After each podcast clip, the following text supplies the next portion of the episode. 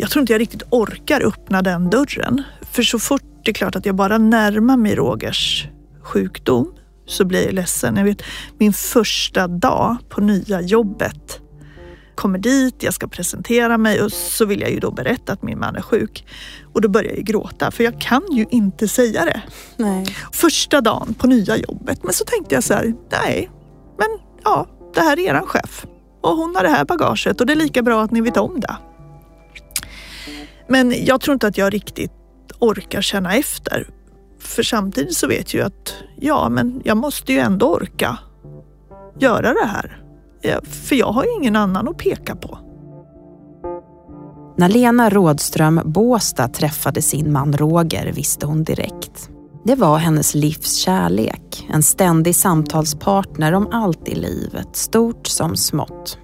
Han framgångsrik i det lokala näringslivet och hon kommunalråd, riksdagsledamot och senare partisekreterare för Sveriges största parti, Socialdemokraterna.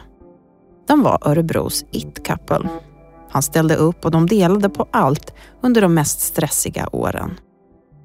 Men mitt i allting börjar det hända konstiga saker. Roger är inte riktigt sig själv. Han är trött och beter sig ibland märkligt. Snart är sjukdomen ett faktum, Alzheimer.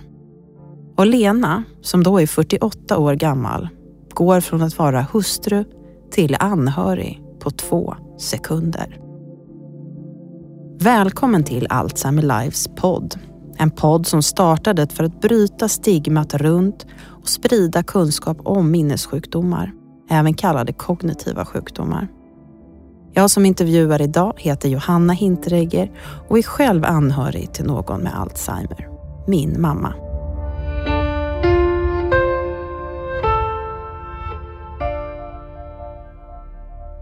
Välkommen hit, Lena Rådström Båstad, idag landshövding i Örebro. Tack så mycket. Hur känns det att vara här? Jo, men det känns eh, bra, lite pirrigt. Eh, ja, men en liten anspänning får man väl säga också. Mm. Hur gick det att komma hit idag? Eh, jag vet, vi talade om att du kanske skulle ha med dig din man också, men du löste det på något sätt. Vad gör din man nu till exempel? Ja, livet är ju litet av en ständig logistikutmaning. Men idag är han hemma. Han har hjälp av hemtjänsten. Sen hörde en kompis av sig till honom och frågade, ska du följa med och bada? Så det är lite spänd på hur det ska gå. Och sen kommer min mamma eh, och tar eftermiddagsskiftet innan jag kommer hem. Wow. Ja, vi kommer tala lite om det där med logistikutmaningar med dina dubbla stolar som dels hårt arbetande kvinna mitt i karriären och också anhörig och på många sätt vårdare. Mm.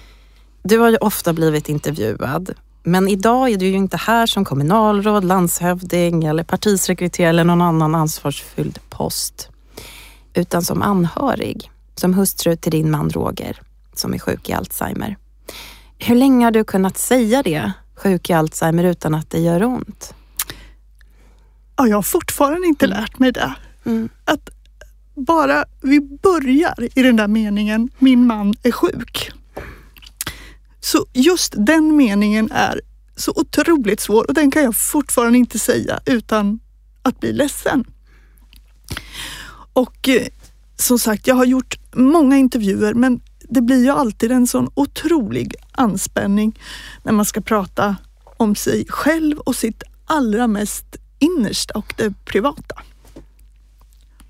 Ja, jag brukar alltid säga det till alla som är med, anhöriga och patienter, att ni är så himla modiga som är med och berättar om det här. För det är verkligen som du säger, det är det allra innersta.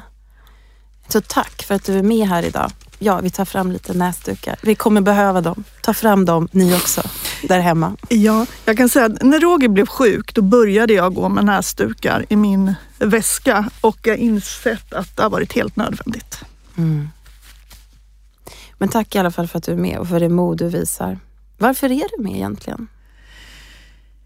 När Roger blev sjuk så pratade vi båda två och vi har båda under hela vårat liv i lite olika roller ägnat det åt att vara med och allt från att bekämpa orättvisor, eh, se till att det blir förändring när det är någonting som är eh, dåligt och eh, vi började då tidigt prata om men vad skulle vi kunna göra? Vad skulle vi kunna bidra med? Sen tog det ganska lång tid innan vi riktigt orkade eh, göra det.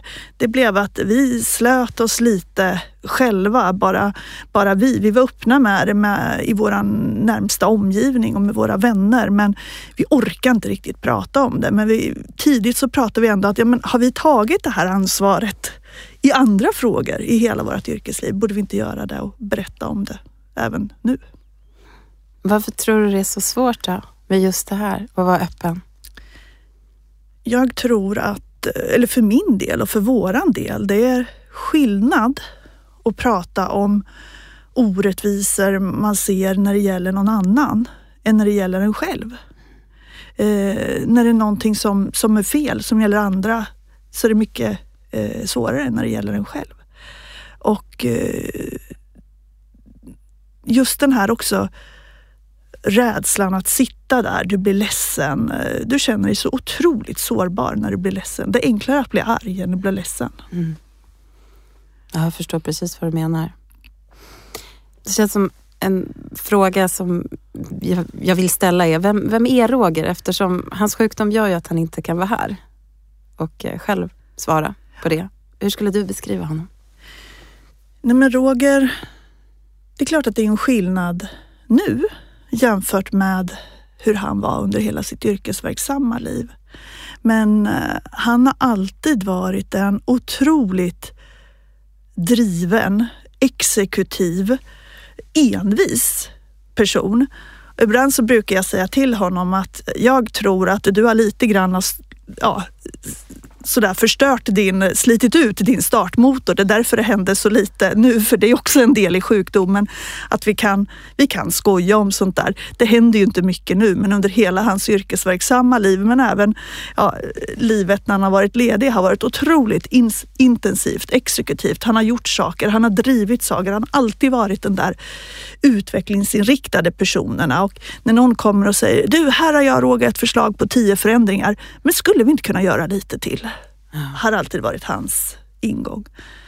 Och det var väl lite där jag märkte att han blev sjuk för jag undrar varför händer ingenting? Eh, han hade jättesvårt att både planera och få det gjort. Men han är också och har varit alltid en väldigt omtänksam, mjuk, men också hetsig person. Och den där mjuka fina sidan, den har han fortfarande. Han är så otroligt tacksam när jag gör saker fin mot mig och kan fortfarande säga så här, åh vad du är vacker, åh vad jag älskar dig och tack för att du gör det här. Hur känner du då? då? Kan du ta emot det eller är du... Ibland har jag hört anhöriga säga, jag är empatitrött. För att vara stark så liksom, ja. Hur kan du ta de komplimangerna och fina orden? Jo men det, det känns ju bara fint att höra. När han kan titta på mig och säga, åh vad du är vacker idag. Åh vad jag älskar dig. Mm. Och Det är klart att han är ju otroligt tacksam för det jag gör mot honom. Eh, vilket ju gör att jag ibland kanske kan få lite dåligt samvete, extra dåligt samvete när jag eh, blir arg. Han är ju, och tyvärr får jag ibland säga, otroligt receptiv för mina känslor och mitt mm. stämningsläge.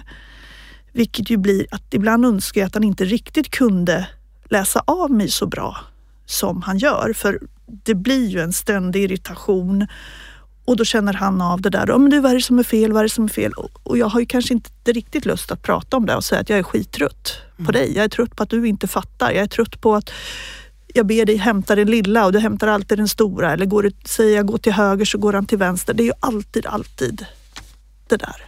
Mm. Um, så där kanske jag skulle önska ibland att han inte var riktigt så receptiv för mina känslor som han är. Mm. Du berättade innan om eran helg. Vill du dela det eller? För då tänker jag att det var en typisk sånt tillfälle när du hade behövt avlastning men ja, han skulle testa på att bo på så här korttidsboende så att du skulle kunna jobba. Ja, ehm, och då han säger ju det ofta till mig. Men Lena, jag vill ju hjälpa dig. Han, han ser ju hur hårt jag sliter. Eh, han förstår att han inte kan bidra på det sättet som han har gjort eh, förut. Och då hade vi pratat om att men ett sätt för dig Roger att hjälpa mig det är om du kan vara på, på ett avlastningsboende. Och vi hade förberett eh, det. Men när vi kommer dit så är det också intressant att se hur mycket ett bemötande kan göra men också brist på bemötande. När man svarar i telefon utan att överhuvudtaget säga annat än hallå. Man öppnar dörren utan att säga välkommen, vad kul att du kommer. Man berättar vad man heter. Bara sådana här mest grundläggande sakerna. Ni blev inte bemötta som, ja, som, som att Roger är en person. Som hej, här ska du, nu tar vi hand om dig och du ska bo här och la la la. Utan ni, det blev bara som en institution. Liksom. Ja, det blev bara en institution och där man ringer för att höra, går det bra? Ja, men det går jättebra. Han vandrar ingenting utan han ligger inne på sitt rum. Och Roger är fortfarande en väldigt social person. Men där han Ja, han blev ju verkligen bara lämnad där mm. och jag kände att det inte är värdigt. Så det slutade att jag åkte och hämtade honom. Men det var ju det här som skulle vara min lösning under den här våren för att få våren att gå ja. ihop. Att då och då kunna lämna honom när jag ska iväg och jobba. Mm. För du har ju en jätteansvarsfull och tung post. Du är ju alltså eh, landshövding i Örebro län eh, sedan mer än ett, eh, ungefär ett år tillbaka. Vi ska gå in mer på det. Men jag har den här bilden i huvudet för att när du är landshövding då, då bor man ju i ett residens. Du bor ju i Örebro slott tillsammans med din man Roger och på dagarna arbetar du som, eh, och tar hand om landshövdingens alla göromål och allting. Och sen är du också vårdare. Det här låter som en saga med någon så här eh, konstig twist. Känns det så ibland? Eller det här liksom slottet och, och ni och ja. Jo, eh, nog kan det ju kännas märkligt ibland och jag brukar säga det, vi är en liten udda skara som, som flyttade in. Eh, jag flyttar in då tillsammans med min man eh, och eh, där ju vi behövde och behöver ha hemtjänst för att klara av eh, livet. Jag flyttar dit med en eh, tonåring.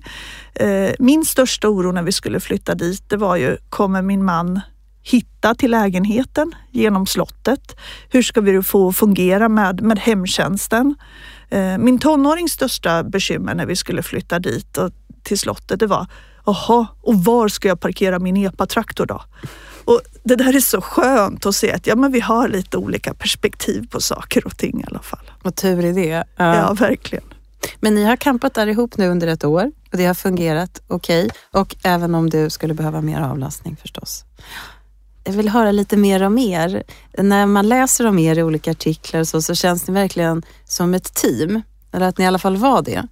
Roger hjälpte till mycket, även om dina barn under de åren när du arbetade som mest, som kommunalråd och sen också som, eh, som jag var inne på, som, som riksdagsledamot och, och, och partisekreterare för sossarna. Ni var på många sätt Örebros it-couple. Hur, hur, var ni ihop? Liksom? Eller kan man säga vad, eller hur är ni ihop? Du får säga det, välja själv. ja, du, nej mm. men det är nog snarare eh, var. Det finns fortfarande någonting väldigt, väldigt fint i vår relation. Det är otroligt mycket eh, känslor och kärlek. Sen är det ju mer utav en ensamhet, även om man lever i en tvåsamhet. Men det som var så otroligt härligt när vi träffades, det var ju verkligen ja men vi kunde prata om allting. Vi kunde bråka, vi kunde skratta, vi kunde gråta. Roger är den första personen i mitt vuxna liv som har fattat beslut åt mig och som har fått fatta beslut åt mig. Ibland när det var så här, nej Lena, nu är det så här, nu gör du så här. Och man, okej, okay, då har jag gjort det. Och det där har aldrig hänt mig. Hur, vad var det som gjorde att du kände den tilliten då? Ja men han är han är både klok, han är trygg i sig själv och ja, men vi hade bara den där ja, men otroliga liksom, känslan och vi bara kunde prata, prata, men vi kunde också bråka, bråka. Det var passion, men det var skratt och det var kärlek och det var och vi, som jag säger, jag har inte heller gråtit med någon tillsammans, även innan han blev sjuk, så mycket som jag gjort med någon. Men jag har inte heller skrattat och älskat. Så att, ja, väldigt mycket av den där att en sån otrolig trygghet. Mm. Vad fint det är att höra. Ja, men det är otroligt härligt och jag tror att det också det hjälpte oss ändå till en början genom, genom sjukdomen också. När eh, vi fick diagnosen så åker vi då in till sjukhuset. Vi får den här diagnosen och jag var väl egentligen inställd på att vi skulle få besked om det här. Men, eh, men Hur kommer det sig? Hade ni gjort några förtester eller? Roger hade ju varit med om undersökningar under hela våren. Eh, jag misstänkte tidigt att det var med någon demenssjukdom och sen att det just skulle vara Alzheimer men att jag misstänkte att det var någonting och jag vet att jag under den där våren också sa det till honom vid något tillfälle att men du Petter har en uppgift i skolan och det jag gjorde det här klocktestet på honom där man skulle prova och rita eh, hur klockan och han, han klarade ju inte av det. Och jag vet inte men, ja, men jag sa till honom att det var en skoluppgift bara för att se mm. att Mm. Och han satte sig med det och klarade inte av att rita att klockan skulle vara tio i två eller tio över två eller vad det nu var. Kunde ni tala om det då? Alltså hans tillkortakommanden och eh, eller fick du bära den rädslan och oron själv eller hur? Mm. Nej, jag sa till honom att jag vill att han ska göra en minnesundersökning. Eh, för att jag känner att det är någonting som inte är bra. Mm. Um, och vi pratade om det och ja, så var jag han på vårdcentralen och ja, gick hela den rundan och sen var vi, och det här började ju redan i januari. Mm. Um, men sen kom vi även till uh, geriatriska uh, kliniken och då mitt i sommaren sen så fick vi beskedet att det var en Alzheimer-diagnos. Och då, då var Roger 62 år gammal? Eller? Ja. Det är väldigt ungt. Ja. Och då berättade du för mig när vi talades vid innan det här samtalet att eh, ni hade liksom preppat lite för det här beskedet. Kan du inte berätta vad ni, vad ni hade gjort? Jo, vi satt och pratade då kvällen innan att ja, men nu ska vi åka in, vi kommer få ett eh, besked och med största sannolikhet inte något bra besked. Och istället för att bara sitta hemma och älta. Så vi packade våran bil där på kvällen. Vi slängde in madrasser och kuddar och täcken och stormkök men även snyggkläder om vi skulle få känsla för det och lite, lite mat och, och sådär och fiskespön. Och sen fick vi det där beskedet och sen satte vi oss i bilen och så körde vi. Och då åkte vi vildmarksvägen upp Jämtland, Lappland upp över Kalfjället och Sveriges högst asfalterade väg. En hel vecka så var vi bara ute i skogen. Vi bodde på hotell på nätterna men fiska. Det var jättedåligt väder så på dagarna så låg vi också i bilen på den här madrassen och kuddarna och täckena och tittade på serier. Vi pratade och det var ju bara vi och skogen. Och Ja, vi fiskade en hel vecka och fick världens minsta fisk, men den tillagade vi på det där stormköket. Men det var ändå så otroligt härligt. Det var, det var bara vi. Ja, vi rörde vid sjukdomen, vi grät, vi funderade på vad ska vi göra, hur ska vi göra? Men just det där bara få vara vi en hel vecka. Sen är vi i bilen på vägen hem, men då insåg vi att ja, men nu är vi på väg tillbaks till vardagen. Så då gjorde vi upp en plan för att okej, okay, hur ska vi berätta det här? Att ja, bestämde tid för att träffa hans barn och mina barn och prata om det här.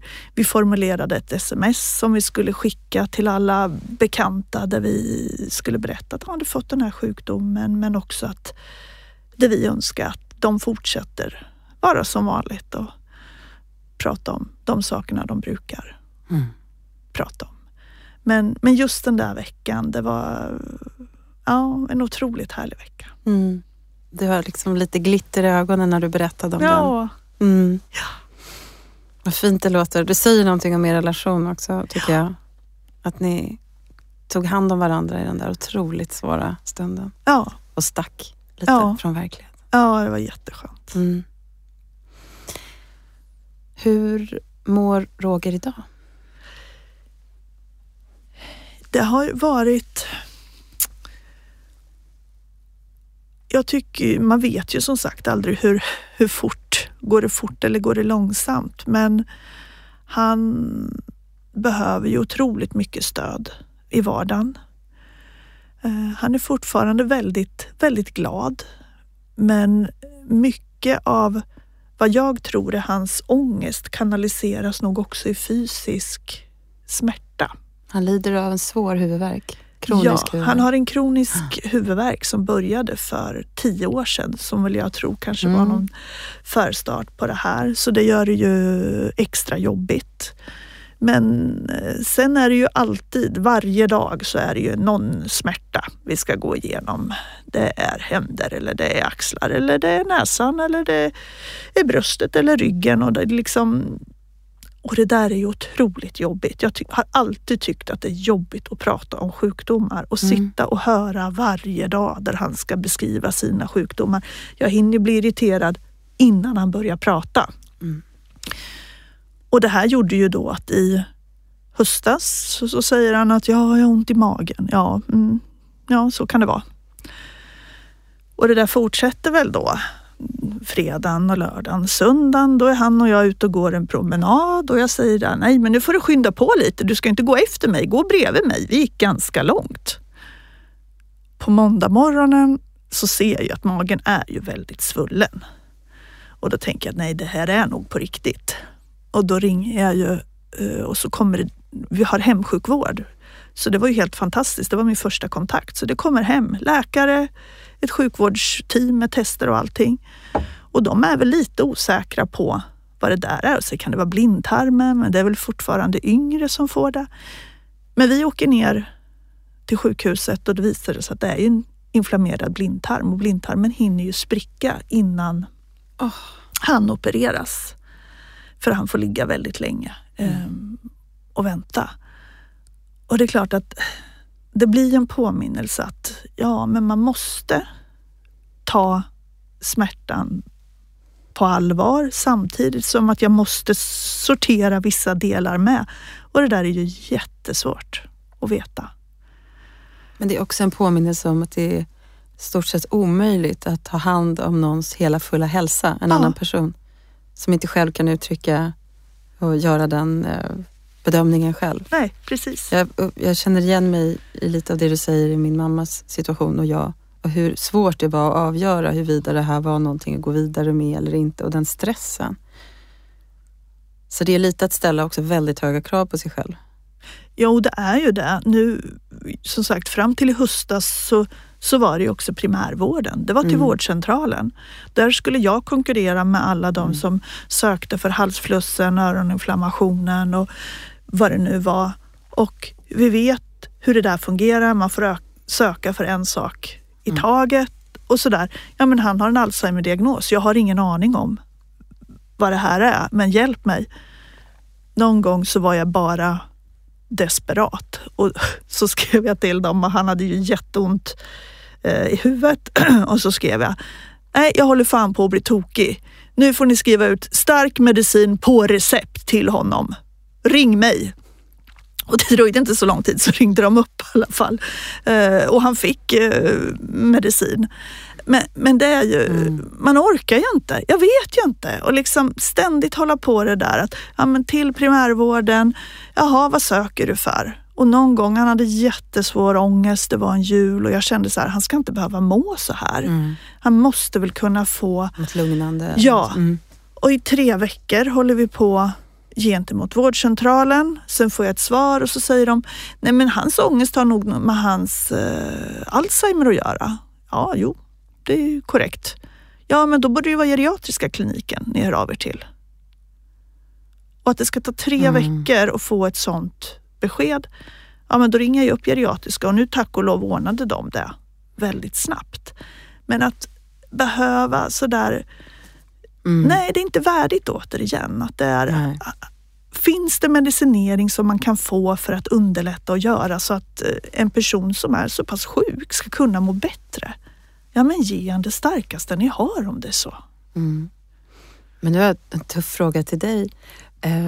Precis när det här drabbar er så är ju du, du har ju en av de, hade då en av de tyngsta politiska posterna man kan ha i Sverige. Alltså partisekreterare för Socialdemokraterna. Du var liksom statsministers närmsta man brukar jag säga. Du är ja. kvinna men om någon kan förändra det här, kan inte du? För det här är ju en situation som nästan alla känner igen sig i. Som patienter, nydiagnostiserad, längre gångna, anhöriga, döttrar, söner, partners. Allting vittnar om den här jättesvåra situationen. Om inte du kan, vem kan? Det är en otroligt relevant fråga och jag har väl lite krast börjat landat i det här också. Att någonstans i hela samhällskalkylen, och det tror jag oavsett politiskt parti, så inser man att rör inte anhörigfrågan för vi kommer aldrig någonsin ha råd att ersätta den otroliga arbetsinsats som samtliga Sveriges anhöriga gör med personal. Det finns varken kompetensen, personalen mm. eller i, i, antal eller i, i pengar att ersätta det för. Det är väl den ena krassa verkligheten. Den andra delen är klart man har pratat om anhöriga situation under så otroligt många år. Men, men skillnaden mot, mot Alzheimer det är att den offentliga debatten har ju varit väldigt tyst mm. under väldigt många år. Det är faktiskt först bara på senare år som det har blivit en offentlig diskussion om det här, vilket ju är bra och det jag såg att det är därför jag också vill ut och prata mm. om det här. För hur det än är att, ja, där lampan lyser är det också lättare att få, få gehör för, för frågorna. Så det är vägen fram, menar du, med din enorma erfarenhet av svensk politik och få påverka och så. Är det vägen fram att göra det mer och mer öppenhet kring berätta historierna, berätta om människorna bakom sjukdomarna? Eller hur ska man göra för att förbättra situationen? Och där har vi ju en svårighet därför att ja, men det ser inte likadant ut i hela Sverige idag heller. Olika kommuner har olika förutsättningar att ge stöd till, till anhöriga och vi har ett kommunalt självstyre vilket jag i grund och botten tycker är otroligt bra och värdefullt. Men stödet ser, ser väldigt olika ut. På samma sätt som stödet och metoderna inom regionerna ser olika ut. Där jag har förstått att vissa regioner har inte mm. ens möjlighet att göra den här utredningen som krävs. Vilket gör att många då som har den här misstänkta diagnosen inte får den stöd och hjälp när det gäller ja, medicinering och annat. Ja, jag tänker i din mans situation, det låter ju som att han ändå är så aktiv och har så mycket kvar som han också behöver få utlopp för och få ett meningsfull vardag. Finns det till exempel ett, en slags verksamhet för yngre med uh, minnessjukdomar där, där ni bor, till exempel? Nej, jag tror det är väl egentligen bara Stockholm, kanske möjligtvis Göteborg, kanske, kanske Malmö. Mm. Ehm, där det finns både boenden, verksamhet riktade mot, eh, mot yngre. Men nej, det finns inte i Örebro och då är det ändå en relativt stor mm. stad. Ehm, det finns inte de eh, boendena heller utan de boenden som finns, du är otroligt eh, dålig när du väl kommer till det boendet. Mm.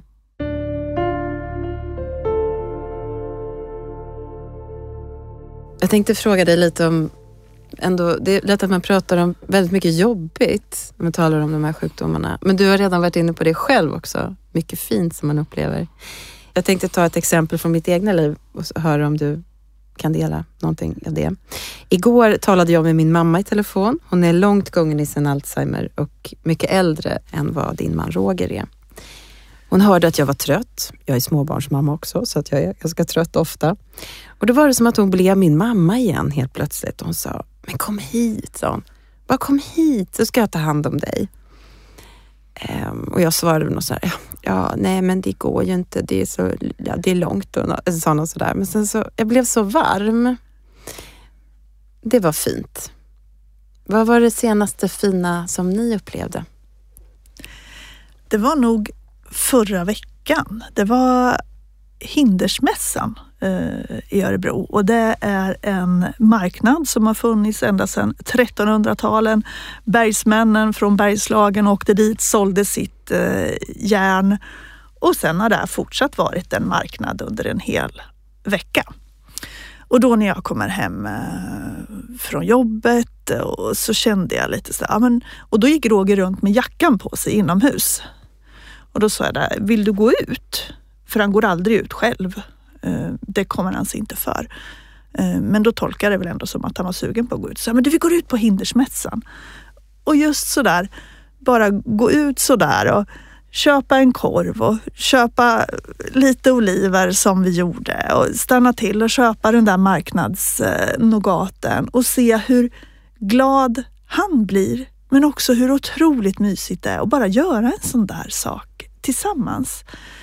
Och det där tror jag att vi har blivit mycket bättre på sedan han blev sjuk. Att njuta i vardagen. Och det mm. behövs inte så där jättemycket men packa den där ryggsäcken med en termos och ett par smörgåsar och så åker man ut och sätter sig någonstans och går en liten sväng. Eller men åh, ska vi köpa skaldjur en tisdag och bara göra det lite extra mysigt? Att hitta de där små sakerna. Så att ja, men just det där besöket på Hindersmässan, det jag såg hans glädje och bara gå där bland allt folk och vi kan hålla varandra i handen och bara må sådär jättebra. Ja, det låter som att du hade det väldigt bra då också. Att det inte var någonting som du bara gjorde för att han skulle må bra eller något sånt, utan att ni gjorde det för er. Eller? Ja, mm. och det var så mysigt. Men mm. nu blir jag ledsen igen, för mm. det som är varje gång man gör någon sån där aktivitet och där man känner wow, vad mysigt, så kommer också den här ledsamheten. Är det sista gången vi gör den här? Rädslan att bli ensam. Så att det är så otroligt många känslor som hela tiden spelar i en. Jag var jätteglad att vi kunde göra det där. Det var otroligt mysigt. Men också så kommer sorgen och ledsamheten. Och så är det varje gång, har det blivit för mig. Mm. Det var någon som sa det, att livet blir så starkt i det här. Ja, det är verkligen så, ja. Mm. Jag undrar om vi kan få hänga med lite tillbaka till när Roger blev sjuk. Visste du någonting om de här Alzheimer innan? Rogers syster hade en diagnos. Hon gick bort i, när var det? Kan det ha varit 2022? 21? Ja, 2021. Eh, jag kan säga att jag visste inte jättemycket eh, om Alzheimer utan det har nog jag läst på mest i efterhand. Och eh, när Roger väl fick sin diagnos så var det väl också väldigt hjälpsamt. Vi åker ju därifrån sjukhuset där man har meddelat att uh, du har fått Alzheimer, det är en dödlig sjukdom. Uh, nu kommer vi ta ditt körkort. Det blir uppföljning om ett år. Här har ni en bunt broschyrer. Hårt låter det otroligt hårt. Jag läser de där broschyrerna och eh, där ju sammanfattningsvis kan man väl säga att det framgår att Roger kommer bli skitjobbig. Eh, mitt liv kommer bli ännu jobbigare och där och då så var jag verkligen, det, där blev jag den anhöriga. Jag sa till Roger, jag vill inte att du ska läsa de här. Uh, han har valt överlag att inte läsa någonting om sjukdomen. Jag har ju läst desto mer men det är ju också en sjukdom. Det är ju svårt att dra generella slutsatser därför att den utvecklas ju så väldigt individuellt. Men det kommer Alzheimer Life, den podden som vi gör nu, den kommer ur, sprunget ur det. Att eh, när grundaren Henrik Fränkel fick den diagnosen så tittade han sig runt, började googla, möttes bara av jättekomplicerade vetenskapliga studier med olika pow tau, ting, tong, alltså olika förkortningar och de hemskaste, bara de hemskaste berättelserna om olika öden. Det fanns ingenting däremellan, ingenting för den nydiagnostiserade och anhöriga runt där. Så det här är ju också någonting som man stöter på. Och det sa jag faktiskt till, eh, jag tog en kontakt, eller det var väl då besöket året därpå. Um, och då sa jag det till dem att jag tycker verkligen att ni ska fundera på vad det är för material som ni lämnar ut. För det är ju väldigt olika. Några får diagnosen i ett väldigt, väldigt tidigt stadium.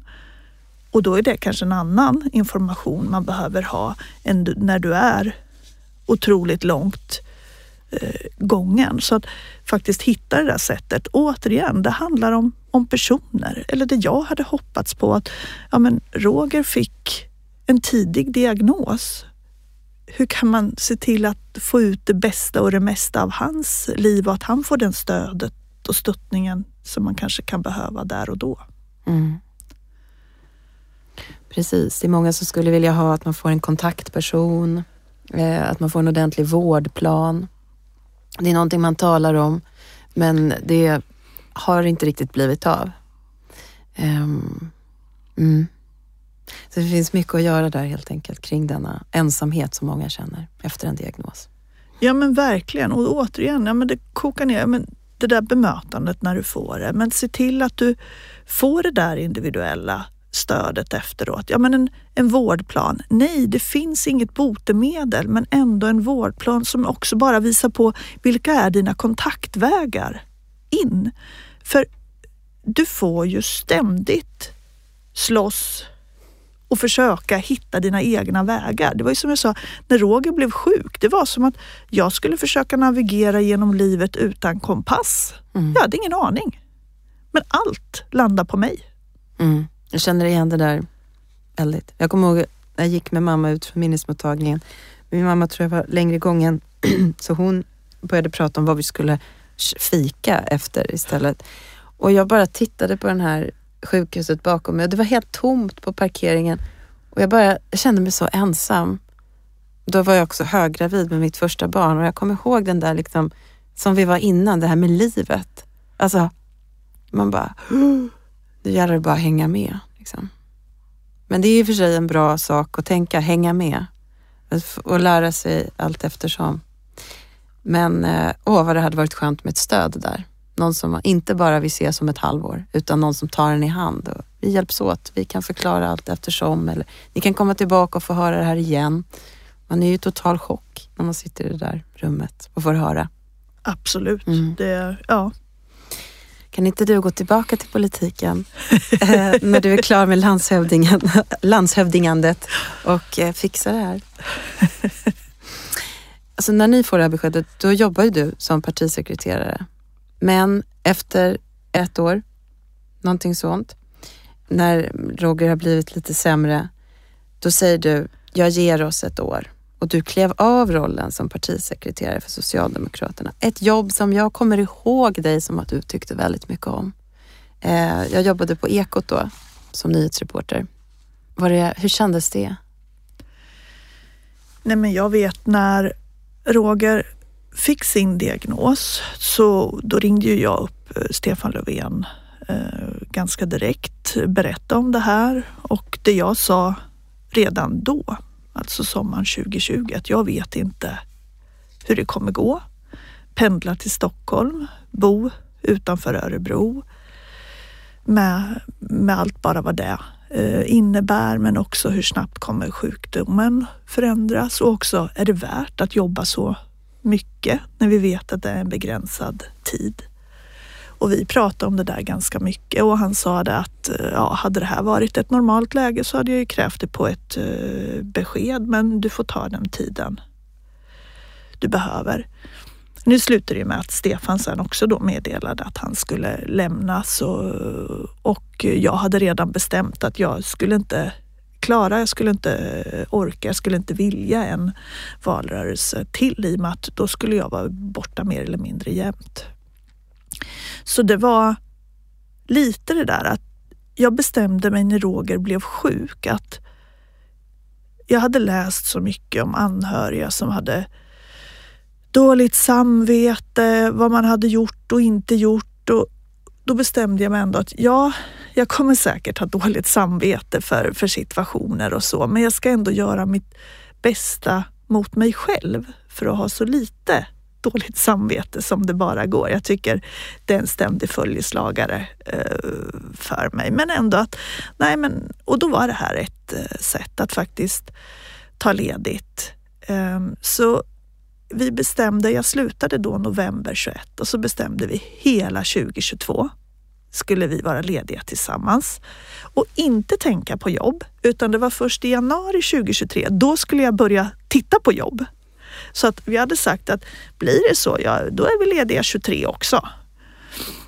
Så vi hade verkligen ett helt år där, där vi reste tillsammans. Vi var ute och gick i skogen.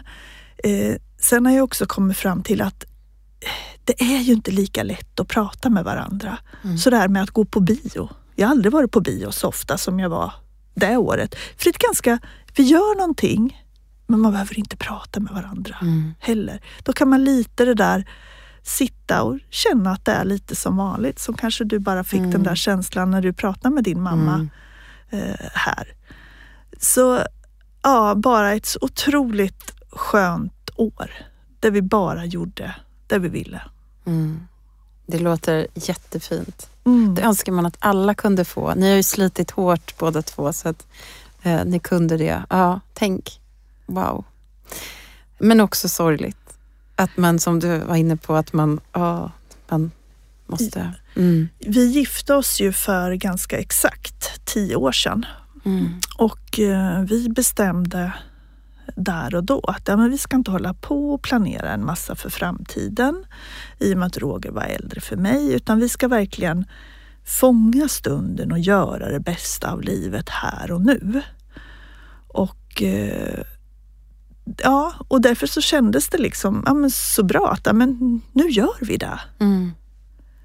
Vi, vi, gjorde det. Så ja, jätteskönt. Och jag tycker att även om jag har börjat jobba och långt ifrån alla veckor så klarar man av att hitta någon harmoni och, och, och sådär vila i vardagen. Mm. Men där vi, där vi ändå kan sådär bara försöka njuta. Att, ja, men du Roger, gå och lägg dig i badet här. Man kan tända ljus och lite skumbad och så får han ligga där och mm. lyssna på musik och tycka det är jättehärligt. Och det är ganska skönt, då kan han ligga där en hel timme och då kan mm. jag ligga och göra något annat och bara mm. vila i soffan. Så det är mm. så här någon dubbelvinst. Mm. Hur ser ditt liv ut idag förutom att du tar hand om Roger och att du är landshövding i Örebro? Hur ser ditt liv i övrigt ut? Hinner du med någonting annat?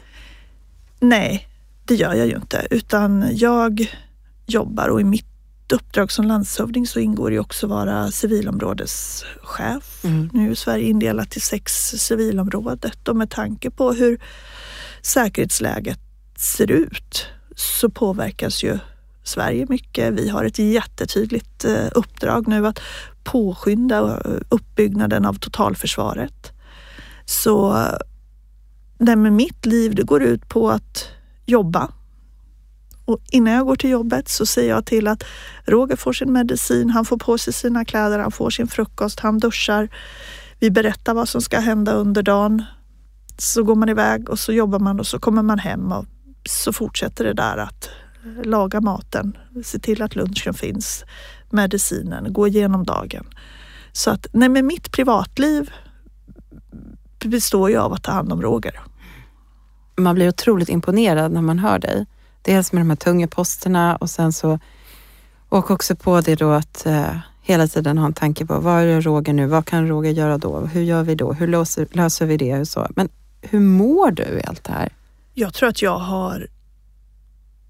Jag tror inte jag riktigt orkar öppna den dörren. Eh, för så fort det är klart att jag bara närmar mig Rogers sjukdom så blir jag ledsen. Jag vet min första dag på nya jobbet när jag kommer tillbaka, eller kommer dit, jag ska presentera mig och så vill jag ju då berätta att min man är sjuk. Och då börjar jag gråta för jag kan ju inte säga det.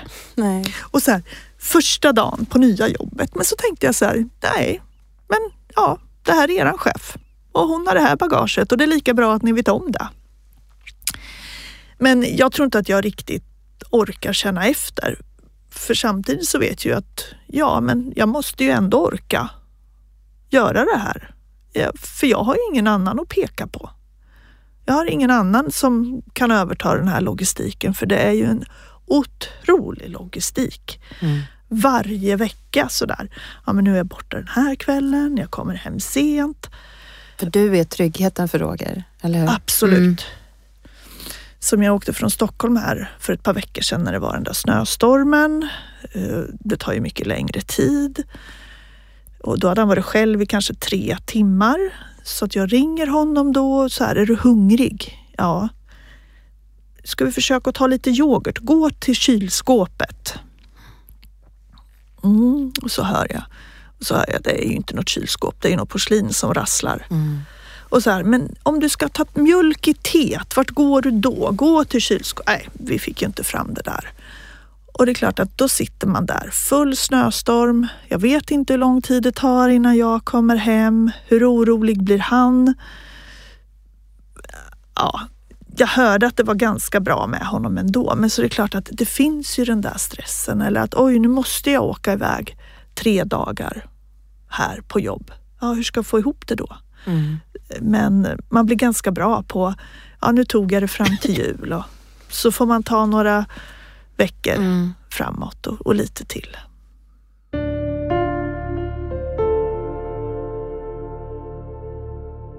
Jag tänker typ dig som person. Det är så olika hur man hanterar olika roller som man får, eh, varken man vill eller inte.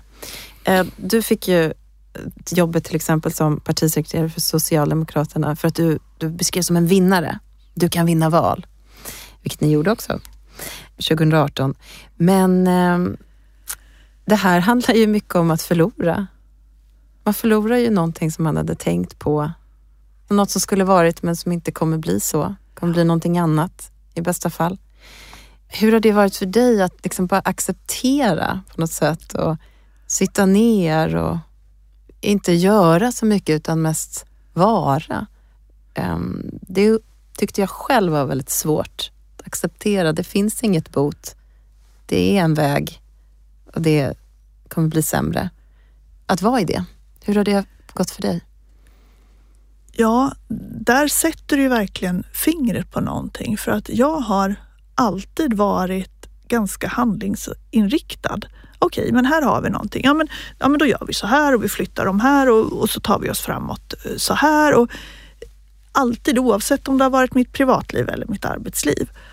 Och här då, bara det här att ja, men, utredas ett halvår.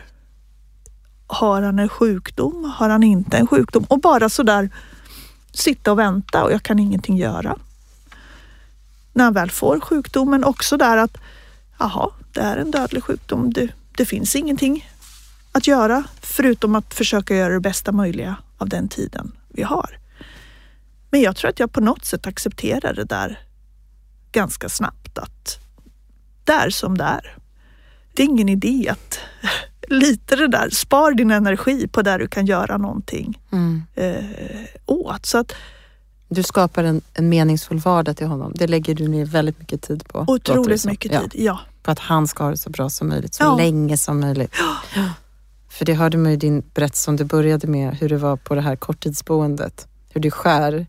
Det skär ju ens anhörigs hjärta och jag hör att du tycker det är väldigt jobbigt när man känner, nej, nu har han inte det. Han nej. får inte han har det inte tillräckligt bra där.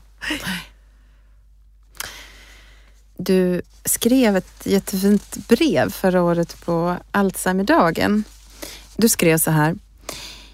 Från att ha delat livet, skrattet och hemligheterna blir plötsligt relationen till något annat. Det blir omvårdnad och stöttning. Det blir en ständig kamp med planering och logistik för att vardagen ska gå ihop. Att alltid vara stark och samlad. För om inte du är det, vem kan då vara det? Är det så du känner? Den där, att man måste vara stark hela tiden? Ja, det är ju så. För att blir jag ledsen, då blir ju han och må ännu sämre. Då blir han ledsen, då blir han orolig. Och det betyder ju också att det blir ännu tyngre för mig. Um, och jag vill helst inte utsätta honom för det. Men det jag har kommit på mig själv att en av de här bra tiderna då jag kan vara ledsen Eh, det är ju när han har somnat. Mm. Så liksom, då har man de där sista timmarna på kvällen. Men, men återigen att eh, jag tror inte att jag riktigt orkar känna efter hur jag själv mår. Vad är mina behov? För återigen, jag har ju ingen att peka på. Vem, om jag bryter ihop, vem ska då ta över? Det, ja, det går ju inte. Mm. För hur ser det ut runt omkring er? Det finns ju barn, dina barn är eh, lite för unga men ja, men det är inte riktigt någon som... Du har inte riktigt kunnat dela det här ordentligt med någon, utan det är du. Det är klart att det är jag som tar huvudansvaret i vardagen. Sen kan jag ha hjälp med punktinsatser.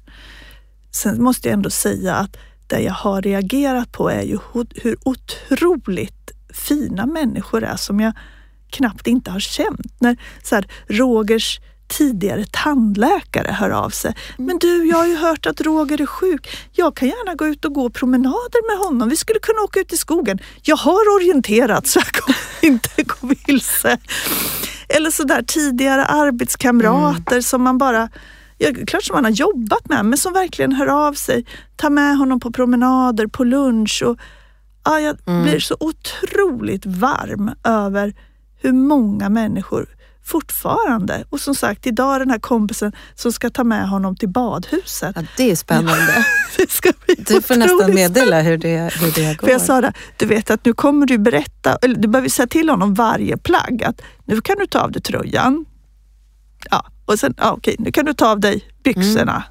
Så ja, det ska bli otroligt intressant att se hur det där gick. Men hans plan var att Roger skulle kunna sitta, det fanns ju någon liten bubbelpool där och det var babysim idag så Mm. Ja, badet var ju otroligt varmt så att mm. han hade ju planerat det här verkligen. Ja. Så otroligt fint. Vågar vi blicka lite framåt? Jag tycker tiden blir väldigt tuff när man lever nära någon med en minnessjukdom. Det kan gå snabbt, det kan gå otroligt långsamt, men man har inte samma tidsram som, som friska personer. Vad tror du att ni är om två år? Man brukar säga fem år, men jag sa två år nu. Vad tror ja, du? Jag har lite grann sagt att jag tror att det kanske bara är det här året som Roger bor kvar hemma. Mm. Jag vet inte, men det, när jag ser hur, hur utvecklingen är så tror inte jag att det är så mycket längre tid. Och det är klart, man hoppas egentligen inget hellre. Det låter ju brutalt, men att han ska få så lång tid som möjligt hemma och att det bara ska gå otroligt fort sen. Mm. Men det går ju inte att styra över. Men, är du rädd för den långa sjukdomstiden? Jättelång. Både alltså när man bara sitter och inte, den ja. liksom ganska apatisk eller passiva ja. fas. Mm. Både för hans skull, men sen mm. tänker jag också sådär, hur ska jag förhålla mig till det där? Nu träffas ju vi, jag menar i och med att vi bor ju tillsammans. Men ska jag åka dit då?